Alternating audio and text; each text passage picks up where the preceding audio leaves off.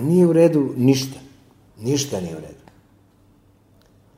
Pa sad kažemo, ako je to u pitanju, ako su ulice, ako, je, a, ako su gradske vlasti, ako su a, republičke vlasti, ako je predsednik koji, koji je non stop na, na TV-u, ako je Ana Brnabić koja je non stop na TV-u, koja priča istu priču kao i predsednik, ako mladi odlaze iz ove zemlje, i to nije u redu. Ajde da ne preteram, ali 95 procenata građana Kragujevca blage veze nema kako funkcioniše sistem lokalne samuprave. Ko je dužan da im kosi travu kada poraste, ko je dužan da nosi đubre, ko od, donosi odluke, ko je izvršna vlast, šta radi okrug, postoji okrug, čije, pod čijem nadležnošću su inspekcije, e, komunalne, građevinske. E, ljudi vole da personifikuju da li vlast na lokalu, da li vlast u republici u jednoj tački, u jednom čoveku. I ako je taj čovek dovoljno e, dovoljno organizovao svoju partiju, napravio organizaciju i ima marketinške stručnjake koje preskupo plaća i mogu da mu rade uh, tu kampanju, uh, on može da očekuje da će dugo ostati na vlasti u Srbiji. Pa život u Srbiji mi izgleda dosta loše. Ovaj, u principu ovaj, mislim da je standard ispod svakog ovaj, nekog minimuma ovaj, drugo što, što me još negde još više pogađa, ovaj, to je što mi se čini da, odnosno ne čini mi se, nego je tako, da je nažalost sve vrlo uh, potkupljivo, da, da je ovaj, prvenstveno mislim na pravosuđe, na, na ovaj, uopšte te organe od kojih mnogo toga zavisi. Sticam okolnosti pratim povremeno emisije Tanje Vojtehovski, pa imam prilike tu da vidim koliko, koliko ovaj, mislim, zna pravosuđe da zataji, odnosno da, da ovaj, donese presude koje nemaju veze sa, sa logikom, sa, sa pravosuđem, sa nego... Tako da, da ovaj, nažalost, deca sve više odlaze, što je najstrašnije. Ja sam uh, po po vokaciji liberal i uh, bliske su mi te evropske vrednosti, uh, međunacionalna saradnja, uh, saradnja sa manjinama. Uh, meni iskreno uh, ne odgovara politika koju vodi Savez za Srbiju. Mm, previše mi je desno. Previše mi je desno. Uh, i imate situaciju da kada Ana Brnabić da jednu izjavu, ja to tweetujem stalno tome, kad da jednu izjavu koju treba da da premijer zemlje koja je na evropskom putu. U Londonu je sada dala izjavu da se nada da će rešenjem problema sa statusa Kosova oslabiti politički uticaj Rusije na Balkanu i da će on doći u domen energetskog sektora saradnja Srbije i Rusije. I vi imate odmah saopštenje Saveza za Srbiju gde je to najstrašnije uh, nažalost u, naš, uh, u, u, u ovoj našoj zemlji, mislim i od vremena dinastije i Karadžorđevića i Obrenovića. Mm, uticaj međunarodne zajednice velikih sila tada je bio presudan, kao što je i sad. Mi smo Kosovo dobili posle ratnog sukoba i uz naklonost velikih sila 912. Izgubili smo ga posle ratnog sukoba i uz naklonost velikih sila na dru drugoj strani 99.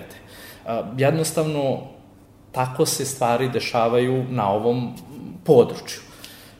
Vi ako hoćete da predstavite međunarodnoj zajednici kao konkurent Aleksandru Vučiću, Pa ne možete da dajete izjave koje će tu međunarodnu zajednicu samo uh, privoliti da još jače podržava Vučića. Nažalost, to tako funkcioniše. E onda ta, ne možete tražiti to je međunarodne zajednice da, da vam oslobodi medije, da vrši pritisak na, na Vučića da oslobodi medije. Ako vaš predlog za rešavanje kosovskog pitanja je radikalniji nego što je, što je Vučić.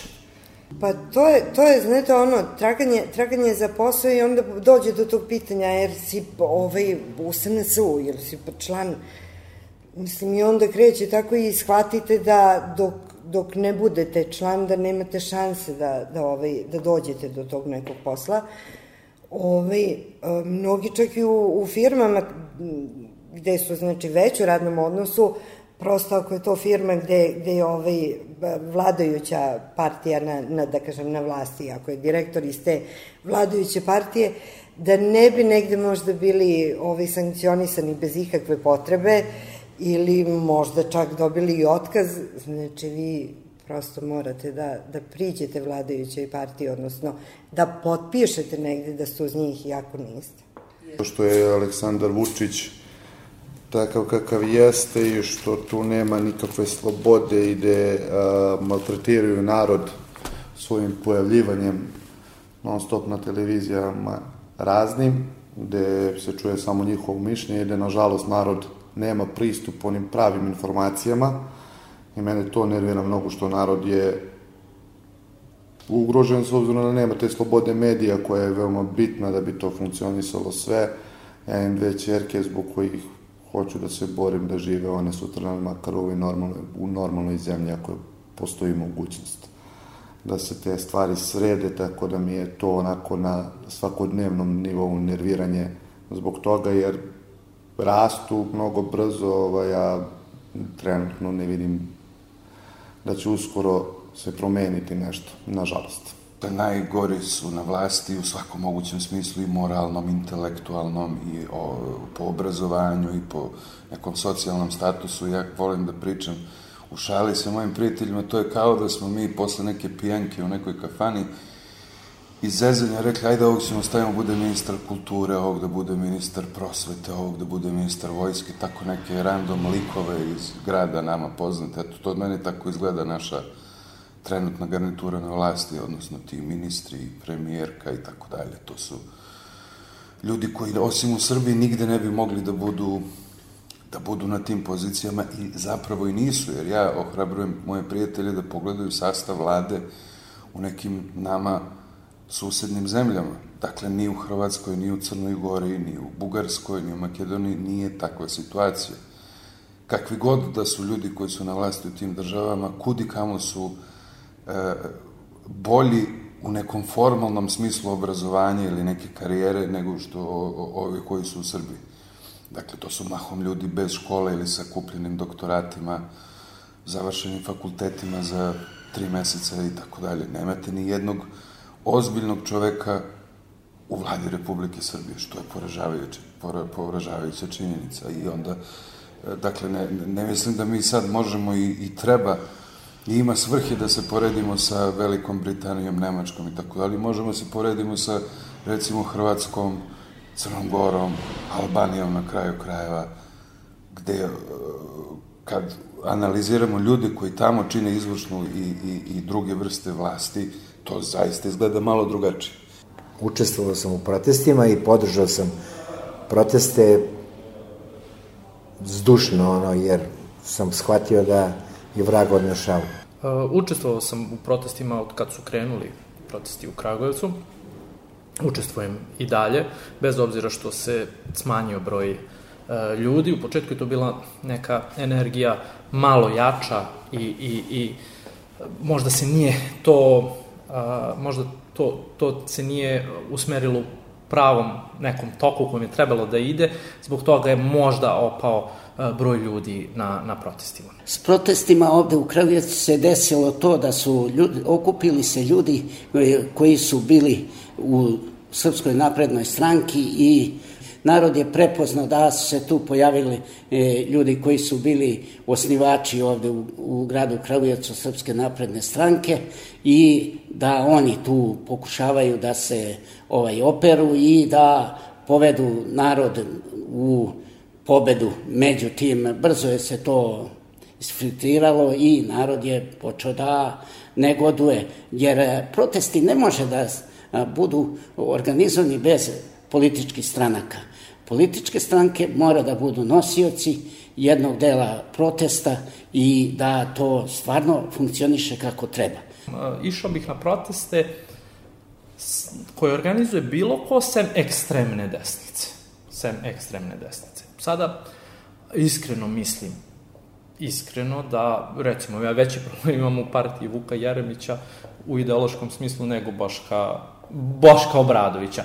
Tu su, Boško je onako uh, dveri, uh, čini mi se da bi lakše zarad zajedničkog cilja promenili diskurs nego recimo partija uh, Vuka Jeremića. Ali uh, svakako cilj je obaranje ovog režima i svakako ja sam član pokreta slobodnih građana i uh, zalažem se za to da mi ne idemo ni u kakve predizborne koalicije sa strankama iz Saveza za Srbiju, sa strankama desničarskim, da jednostavno držimo svoj kurs, jer imate 40% ljudi koji otprilike abstiniraju od 2004. godine do, dve, do ovih poslednjih izbora 2017. godine.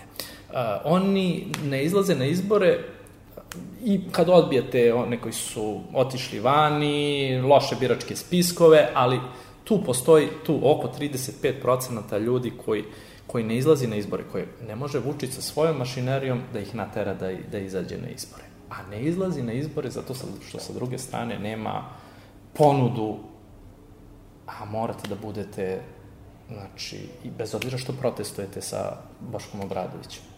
Da, kad Boško Obradović uh, izađe i kaže na utisku nedelje ja ću zabraniti, ako se budem pitao, paradu ponosa u Beogradu, vi morate, bez obzira što ste u rovu sa Boškom Obradovićem, da izađete sa saopštenjem da kažete Boško ti si naš drug, ali nećeš zabraniti, ako se mi budemo pitali, nećeš zabraniti, šetaćeš, a ne moraš da šetaš na toj paradi ali nećeš je zabraniti zato što ti mi nećemo dati da je zabraniš, su to evropske vrednosti za koje se zalažemo, ne može da se zalažete za evropske vrednosti u vezi slobode medija, a da se ne zalažete u vezi ljudskih prava i, i manjinskih prava ili bilo kojih drugih. Učestvujem u protestima, znači kad god mogu, e, iz razloga što sam totalno nezadovoljna sistemom, nezadovoljna standardom, nezadovoljna institucijama bitnim u, u državi, znači generalno sa, sa, ovaj, sa svim onim što je bitno za jednog čoveka da bi živeo normalno, dostojanstveno u, u ovoj zemlji. Ja mislim da, nažalost, e, ovi protesti nemaju tu više snagu kako su nekad imali, ali i dalje jesu upotrebljivi zbog toga što svaki taj vid e, bune protiv ovakve vlasti e, njima ljulja brod. I oni su sve nesigurniji i sve su nervozniji. I čini ih to e, lakšom metom nego, da, nego što bi bilo da se ništa ovde ne dešava.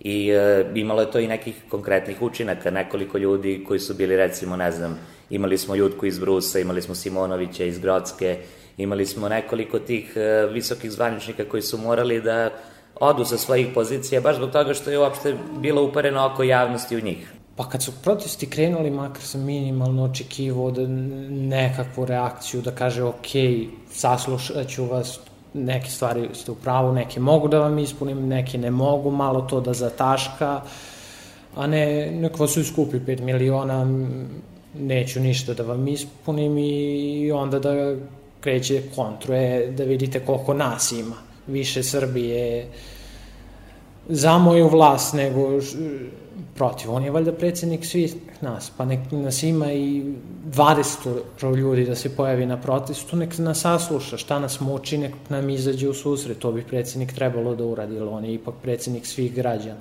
Pa u protestima učestvujem e, od samog početka, čak sam i jedan od organizatora protesta u Kragujevcu. Ja mislim da smo mi počeli, slagaću, 5. ili 6. januara, malo posle Beograda, i evo već trajemo ja mislim 25 ili 26. nedelju bez prekida. Pa ja mislim da je radikalizacija protesta za Vučića i jedan jedini čovek ako izađe na ulicu. Da njega i to boli. I zato mi u Kragujevcu smo rešili da ne odustajemo, apsolutno. Znači, bit, će nas 10, bit će nas 15, bit će nas 150, 2000, 5000, uopšte nije bitno. U nekim trenucima bilo, ja mislim, i po 7000 ljudi, po najvećoj zimi. Prošli put nas je bilo, ne znam, 150, 200, sad u subotu 22. pravimo veliki skup gde će sve relevantne političke partije se pojaviti sa svojim obeležima, to je bila moja, moje insistiranje moja ideja, da se već jedan put skinu ti, taj plašt građanskih protesta, mislim, šta to znači kao građanski protest, kao nema partija, kao, kako ćemo bez partija? Kako ćemo ja da se kandidujem ili, ne znam, Pera Mikalaza, to je nemoguće, jednostavno to, ta vrsta promene sistema je trenutno nemoguća. I mi imamo prilično korektan politički sistem, samo što ga uh, vladajuća većina ne poštuje. Imamo i dobre zakone, imamo dobar izborni zakon i dobar zakon o medijima, sve to super. Samo je problem što ih oni ne poštuju. Protesti uh, su u nekom padu, ovaj, što se tiče broja ljudi na protestima i to je po meni nekako i normalno. Ljudi šetaju, što je jedan čovjek rekao lepo, ovaj, mi šetamo sedam meseci, ništa ne uradi smo, deca, mali maturanti su za 15 minuta blokirali Beograd. Pa desilo se ono što smo i znali da će da se desi, prosto nije, e, nije normalno da, da ljudi duže neko vreme protestuju u tom broju u kom su protestovali u nekim početnim mesecima, zimu, pre i posle nove godine. I znali smo da će da opadne broj ljudi, da će negde po nekim gradovima da se ugase protesti, to je sve okej, okay, to je sve normalno a smo im malo drmali kavez i uspeli smo da to protresemo tu ovaj, režim koliko toliko. Ono što je bitnije jeste da a, a, par meseci pre nego što su počeli proteste niko nije mogao da zamisli da će neki ljudi da izađu na ulici i da, na ulice i da će da pokažu da se ne plaše od režima i svega onoga što predstavlja režim u Srbiji trenutno. Dakle, taj jedan strah smo razbili i to je dobro. Vučić uh, krši ustav na dnevnom nivou i to je nesporno. Ja imam problem u sudijama Ustavnog suda. Mi ćemo svi da idemo ispred predsjedništva da protestujemo protiv Vučića što, ne, što on krši ustav. A niko neće da ode ispred Ustavnog suda i da kaže onim ljudima, aman ljudi, pa vi morate da to rešavate. Sudija iz Njujorka zabrani Trumpu da blokira ljude na Twitteru jer krši amandman neki američkog ustava, jer je on predsednik mora da bude u komunikaciji sa građanima. E, a, a nama sudije Ustavnog suda koji tu da štite za ne baš male plate, za ne baš mali ugled koji imaju u tom svetu, oni se svi prave, prave mrtvi. Znači, mislim da je to jedan veći problem. Drugi problem što mi odavde iz Kragujevca stalno potenciramo i možda smo malo i dosadni zbog toga, ali uh, trenutno je na snazi najžešća centralizacija od kad postoji Srbija. Čak i u Titovo vreme je imali ste uh, decentralizaciju vlasti i moći. Sada imate situaciju, recimo u Kragujevcu, ne znam da li znate kako se biraju direktori škola, srednjih, osnovnih. Postoji školski odbor koji čine troje iz redova zaposlenih, troje iz redova lokalne samuprave i troje iz redova roditelja, đaka koji idu. I oni sad prvo glasaju zaposleni, pa izaberu uži krug dvoje ljudi koji, koji će imati najveći broj glasova. Pa onda to ide na taj školski odbor, pa školski odbor to odluči i taj čovjek je direktor. E sada ne, sad svi oni mogu da, da to tako odluče, izaberu vas, a ministar dekretom postavi mene, koji se nisam ni kandidovao. E, e, komplet primarna zdravstvena zaštita prelazi novim zakonom od 1. januara, prelazi na, na Republiku. Kragujevac, recimo, u tom međuvremenu tih od 2007. godine, od 1. januara, od kad je primarna zdravstvena zaštita e, došla, prešla u lokal, Kragujevac od tada izgradio, recimo, novu zgradu hitne pomoći, novu uh, ambulantu broj 4 školski dispanzer. To su dva onako velika objekta za koje je grad podigao kredit, građani Kragujevca ga otplatili od svojih poreza, taksi. Sada će neko jednim zakonom da to sve prebaci u okupljen publiku i sutra će dođe recimo Milovan Bojić i otvorit će privatni tu, dogovorit će se sa Republikom, kupit će ili iznajmit će, oni će ugasiti, kao što gase Zavod za medicinu rada u Kragujevcu, ugasit će jednu instituciju i tu će otvoriti, mi recimo Milovan Bojić, privatnu privatnu kliniku. Ili ne mora Milovan Bojić, ne, i Kragujevački Milovan Bojić. I ako gledamo zdravstvo i ako gledamo, znači, kompletno mislim da, da je ovaj svud, ovaj, mislim, prvo evo ta, ta neka odluka ili šta je već, pošto stvarno nisam nešto baš detaljno ovaj, zalazila u to da, da ovaj, je donet, ajde da kažem, odluka, nazvaće odlukom, da možete lekara da, da nagradite sa ne znam kojom svotom, mislim, što je stvarno, lekar treba da radi i da prima platu za svoj rad, odgovarajuću platu naravno, jer ovaj, opet kažem, dosta, dosta svojih godina je dao da bi došao do, do toga da bude lekar, bar oni koji su to, ovaj, tu diplomu stekli svojim trudom i znanjem. Ovaj, mislim, absurdno je u jednoj državi da, da lekar ovaj, treba da čeka da, da mu neko od pacijenata da neku nagradu, da ne nazivam to drugim imenima, da bi ovaj, taj pacijent bio lečen, onda bi mogao da, da živi dostojanstveno. Pravosuđe izgleda e, kao nešto što je sušta, sušta suprotnost onome što bi trebalo da bude. E, naša država i uopšte sve države koje su članice Europske unije ili koji teže ka tome da postaju članice Europske unije imaju jedan obavezujući standard, a to je da je kod nas obavezujuće da bi uopšte mogli da budemo članice Europske unije, da kod nas postoji vladavina prava. A umesto vladavine prava kod nas je sve prisutnija i prisutnija e, pravna nesigurnost. Građani ne znaju svoja prava, građani ne znaju kako da odbrane svoja prava, građani nisu sigurni ni u jednom trenutku e, kakve posledice može da ima njihovo učešće uopšte u pravosudnom sistemu. I mislim da je to generalno jedan veliki problem i da na tome mora podhitno da se radi ukoliko uopšte mislimo da jednog dana budemo jedna uređena i da kažemo pristojna, pristojna država. Ja imam i dalje poverenje u sudstvo, da tu postoje čestiti ljudi, ali mm, po onom sindromu kuvane žabe su polako uvedeni u jedan, kao i sve ostalo, kao obrazovanje, kao, kao policija, kao vojska. Znači, to je postupno rađeno. Postupno je rađeno zato što uh, ova vlast ima dva stuba na kojima počiva. Počiva na doktrini informacija, a to je onaj čuveni delivery unit koji su se svi smijali kao dolazio Tony Blair, ali ja sam malo kopao oko toga.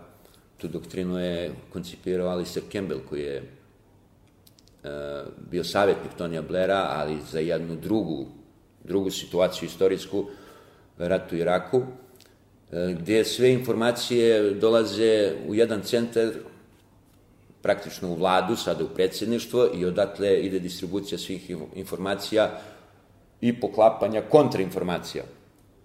Tako da, da drže javno mnjenje u jednom, jednom kavezu iz koga ne možeš da se iskobeljaš uopšte. Mi imamo u vladi ljude koji su nesposobni da obavljaju svoj posao na bilo koji način, nisu kompetentni za to. Imate u Skupštini predsednicu Skupštine i poslanike koji prave od Skupštine cirkus, to više nije zakonodavna vlast, to je jedan reality program.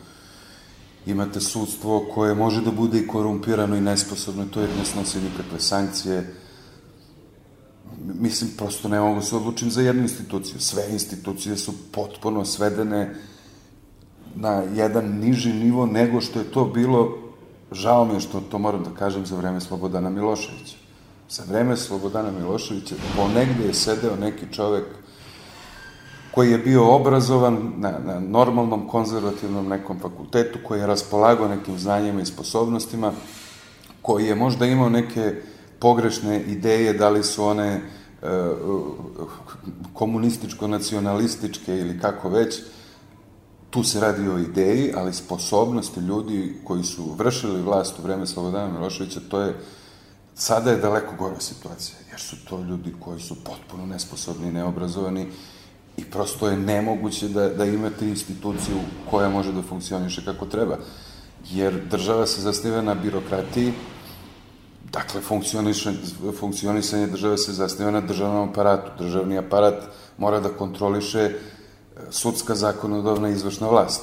I nijedna od tih tri vlasti ne funkcioniše i ne može da funkcioniše, nema nikakvu kontrolu, tako da oni ne mogu da kontrolišu birokratiju, tako da to potpuno jedno rasulo.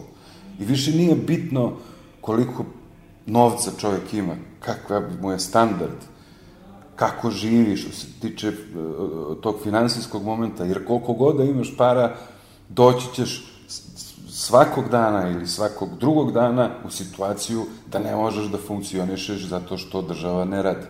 Naš predsjednik je okružen sa kriminalcima i sa kolštaperima i ološima, ne znam, starletama, a, mora da znate da a, nacionalna frekvencija data televizijama kao što je Pink, kao što je Happy, kao što je Prva, kao što je O2, a, gde oni non stop a, prenose njegove govore i čovjek koji mnogo laže i smatram da je on a, psihijatrijski bolesnik i moram ovde da se i našalim, zato i drži našu Slavicu Đukić Dejanović, da mu bude jedan od lekara, jer ona je, što se tiče stručnosti, psihijatrije, kvalitetan lekar, a kao a, ministar i ostalo izuzetno loš. A, smatram da jednostavno uzurpacija medija je možda najveći problem, onako deluje mi više to kao da, da je uzrok, a ne posledica jer kontrola medija bukvalno može da se manipulišu mase i da im se stavlja u glavu šta oni žele ovaj, i da jednostavno zataškavaju sve, sva svoja zlodela. Pošto ne postoji ta sloboda medija, ljudi nemaju prave informacije i oni su zaglupljeni na neki način. Ne kažem da je narod baš glup, ali ovaj, im, ima i takvih, nažalost. Ovaj, I na osnovu toga oni imaju neke informacije koje njima stvaraju neku pogrešnu sliku. To je jedna stvar, a narod naravno kod nas još uvijek ima mnogo nepismenih što se tiče tehnologije gde, gde mogu da pročitaju sve što se, šta se dešava. Moja deca nisu otišla, ali mi izgleda mnogo loše. Međutim, ja kažem moje deci da ovde života nema, jer ovo je centralizovana država. Mi imamo predsjednika koji je e, i predsjednik vlade, i ministar, i sudija, i dovoljno da kažem, kadija te tuži, kadija ti sudi. Tako da, ove, e, palo bi mi mnogo teško, ali zbog njihove budućnosti, ne vidim njihovu budućnost ovde u, u gradu Kragujevcu, a uopšte i u Srbiji ovaj, ne vidim, jer stvarno a, Srbija je dotakla dno dna, a pored toga i grad Kragujevac. Ovaj narod ne zaslužuje bolje. Ovaj narod treba baš ovako da ima ovakvu vlast. I to je upravo potvrda svega. Znači, e, oni mogu da se uruše samo iznutra. Oni, sami. Sami da se uguše, faktički. U, svo, u celoj ovoj ujdurmi koje one prave, oni prave. I to će se desiti jedino. Ja ne vidim uopšte snagu ovog naroda da može da, da sruši ovakvu jednu vlast koja je auto, autoritativna 100%. Ne vidim ja neku perspektivu Srbije dok su oni na vlasti. Ovde mora da dođu novi ljudi, nova snaga, mladi ljudi, perspektivni, zato ne e, Žao mi je što se odliva mladost naša, um, mi imamo mnogo umnih i pametnih uh, uh, ljudi, tako da u setu su pokazali svoje kvalitete. Ljudi jednostavno ne izlaze na glasanje ovaj, i, i odatle i, i toliko, toliko ovaj glasova za, za, ovaj, za Vučića i za, za vladajuće, jer svi koji su, svi ti koji ne izlaze su u stvari negde e, protiv te politike. U Srbiji još uvijek postoji ono da u NATO, pa u pristupu Srbije u NATO ne sme da se ugovori, ne znam zbog čega, da je to neki problem. Ovo misli Srbija koja od 2008. beše sarađuje sa NATO-om preko partnerstva za mir, ali i mi mo, samo toga možemo da profitiramo. ali generalno je to neka zabranjena tema da se priča u Srbiji, ljudi su protiv toga jer ne sagledavaju na neki drugi način na koji, možda je moj način sagledavanja pogrešan, ali jednostavno ako se pogleda iz nekih viših, iz više uglova, po meni je to ok priče da treba Srbija da napreduje i to je to, znači da idemo ka normalnom svetu. Imam optimizam i mislim da mora da se promeni. imao sam optimizam i 96. 7. i 99. i 2000. i tad smo nešto uspeli da uradimo. Mislim da ćemo i sada promeniti, jer prosto ovo, ovo što se sad dešava jedno mora da prođe. Ako mi možemo da doprinesemo tome da traje makar jedan dan manje, onda eto to, onda mi je drago da smo svi na protestima. E, ovde je pre svega politika postavljena kao neka negativna vrednost. I politika je namenjena političarima, to nam stalno pričaju sa televizije, pričaju nam neki Vulin i Stefanovići, Vučići, da je politika namenjena političarima, da, na primjer, Sergej Trifunović ne bi trebao da se bavi politikom, da ne bi trebao niko od nas da se bavi politikom. Politika nije struka, politika je sve što nas okružuje. Svako ko je jele društveno odgovoran mora da se bavi politikom, mora da razmišlja o politici, mora da razmišlja o tome da bi uopšte ova zemlja mogla da nekako krene napred. I ja zaista e, ne verujem u to da, e, bez obzira što je proste godina 43, ne možemo da probudimo bar te neke mlađe ljude da kažu, ej ljudi, stvarno smo pretarali više, ovde mora nešto da se menja, ja ću da preuzmem odgovornost, ja ću da preuzmem odgovornost, ja ću da preuzmem odgovornost u svakom selu, u svakom gradu, u svakom mestu, da se pojavi bar po neko ko bi preuzeo odgovornost, da proba da stvari menja na onaj način na koji bi trebalo da da, da predstavlja nešto čemu treba da težimo. Da li ćemo u tome uspeti, ne znam.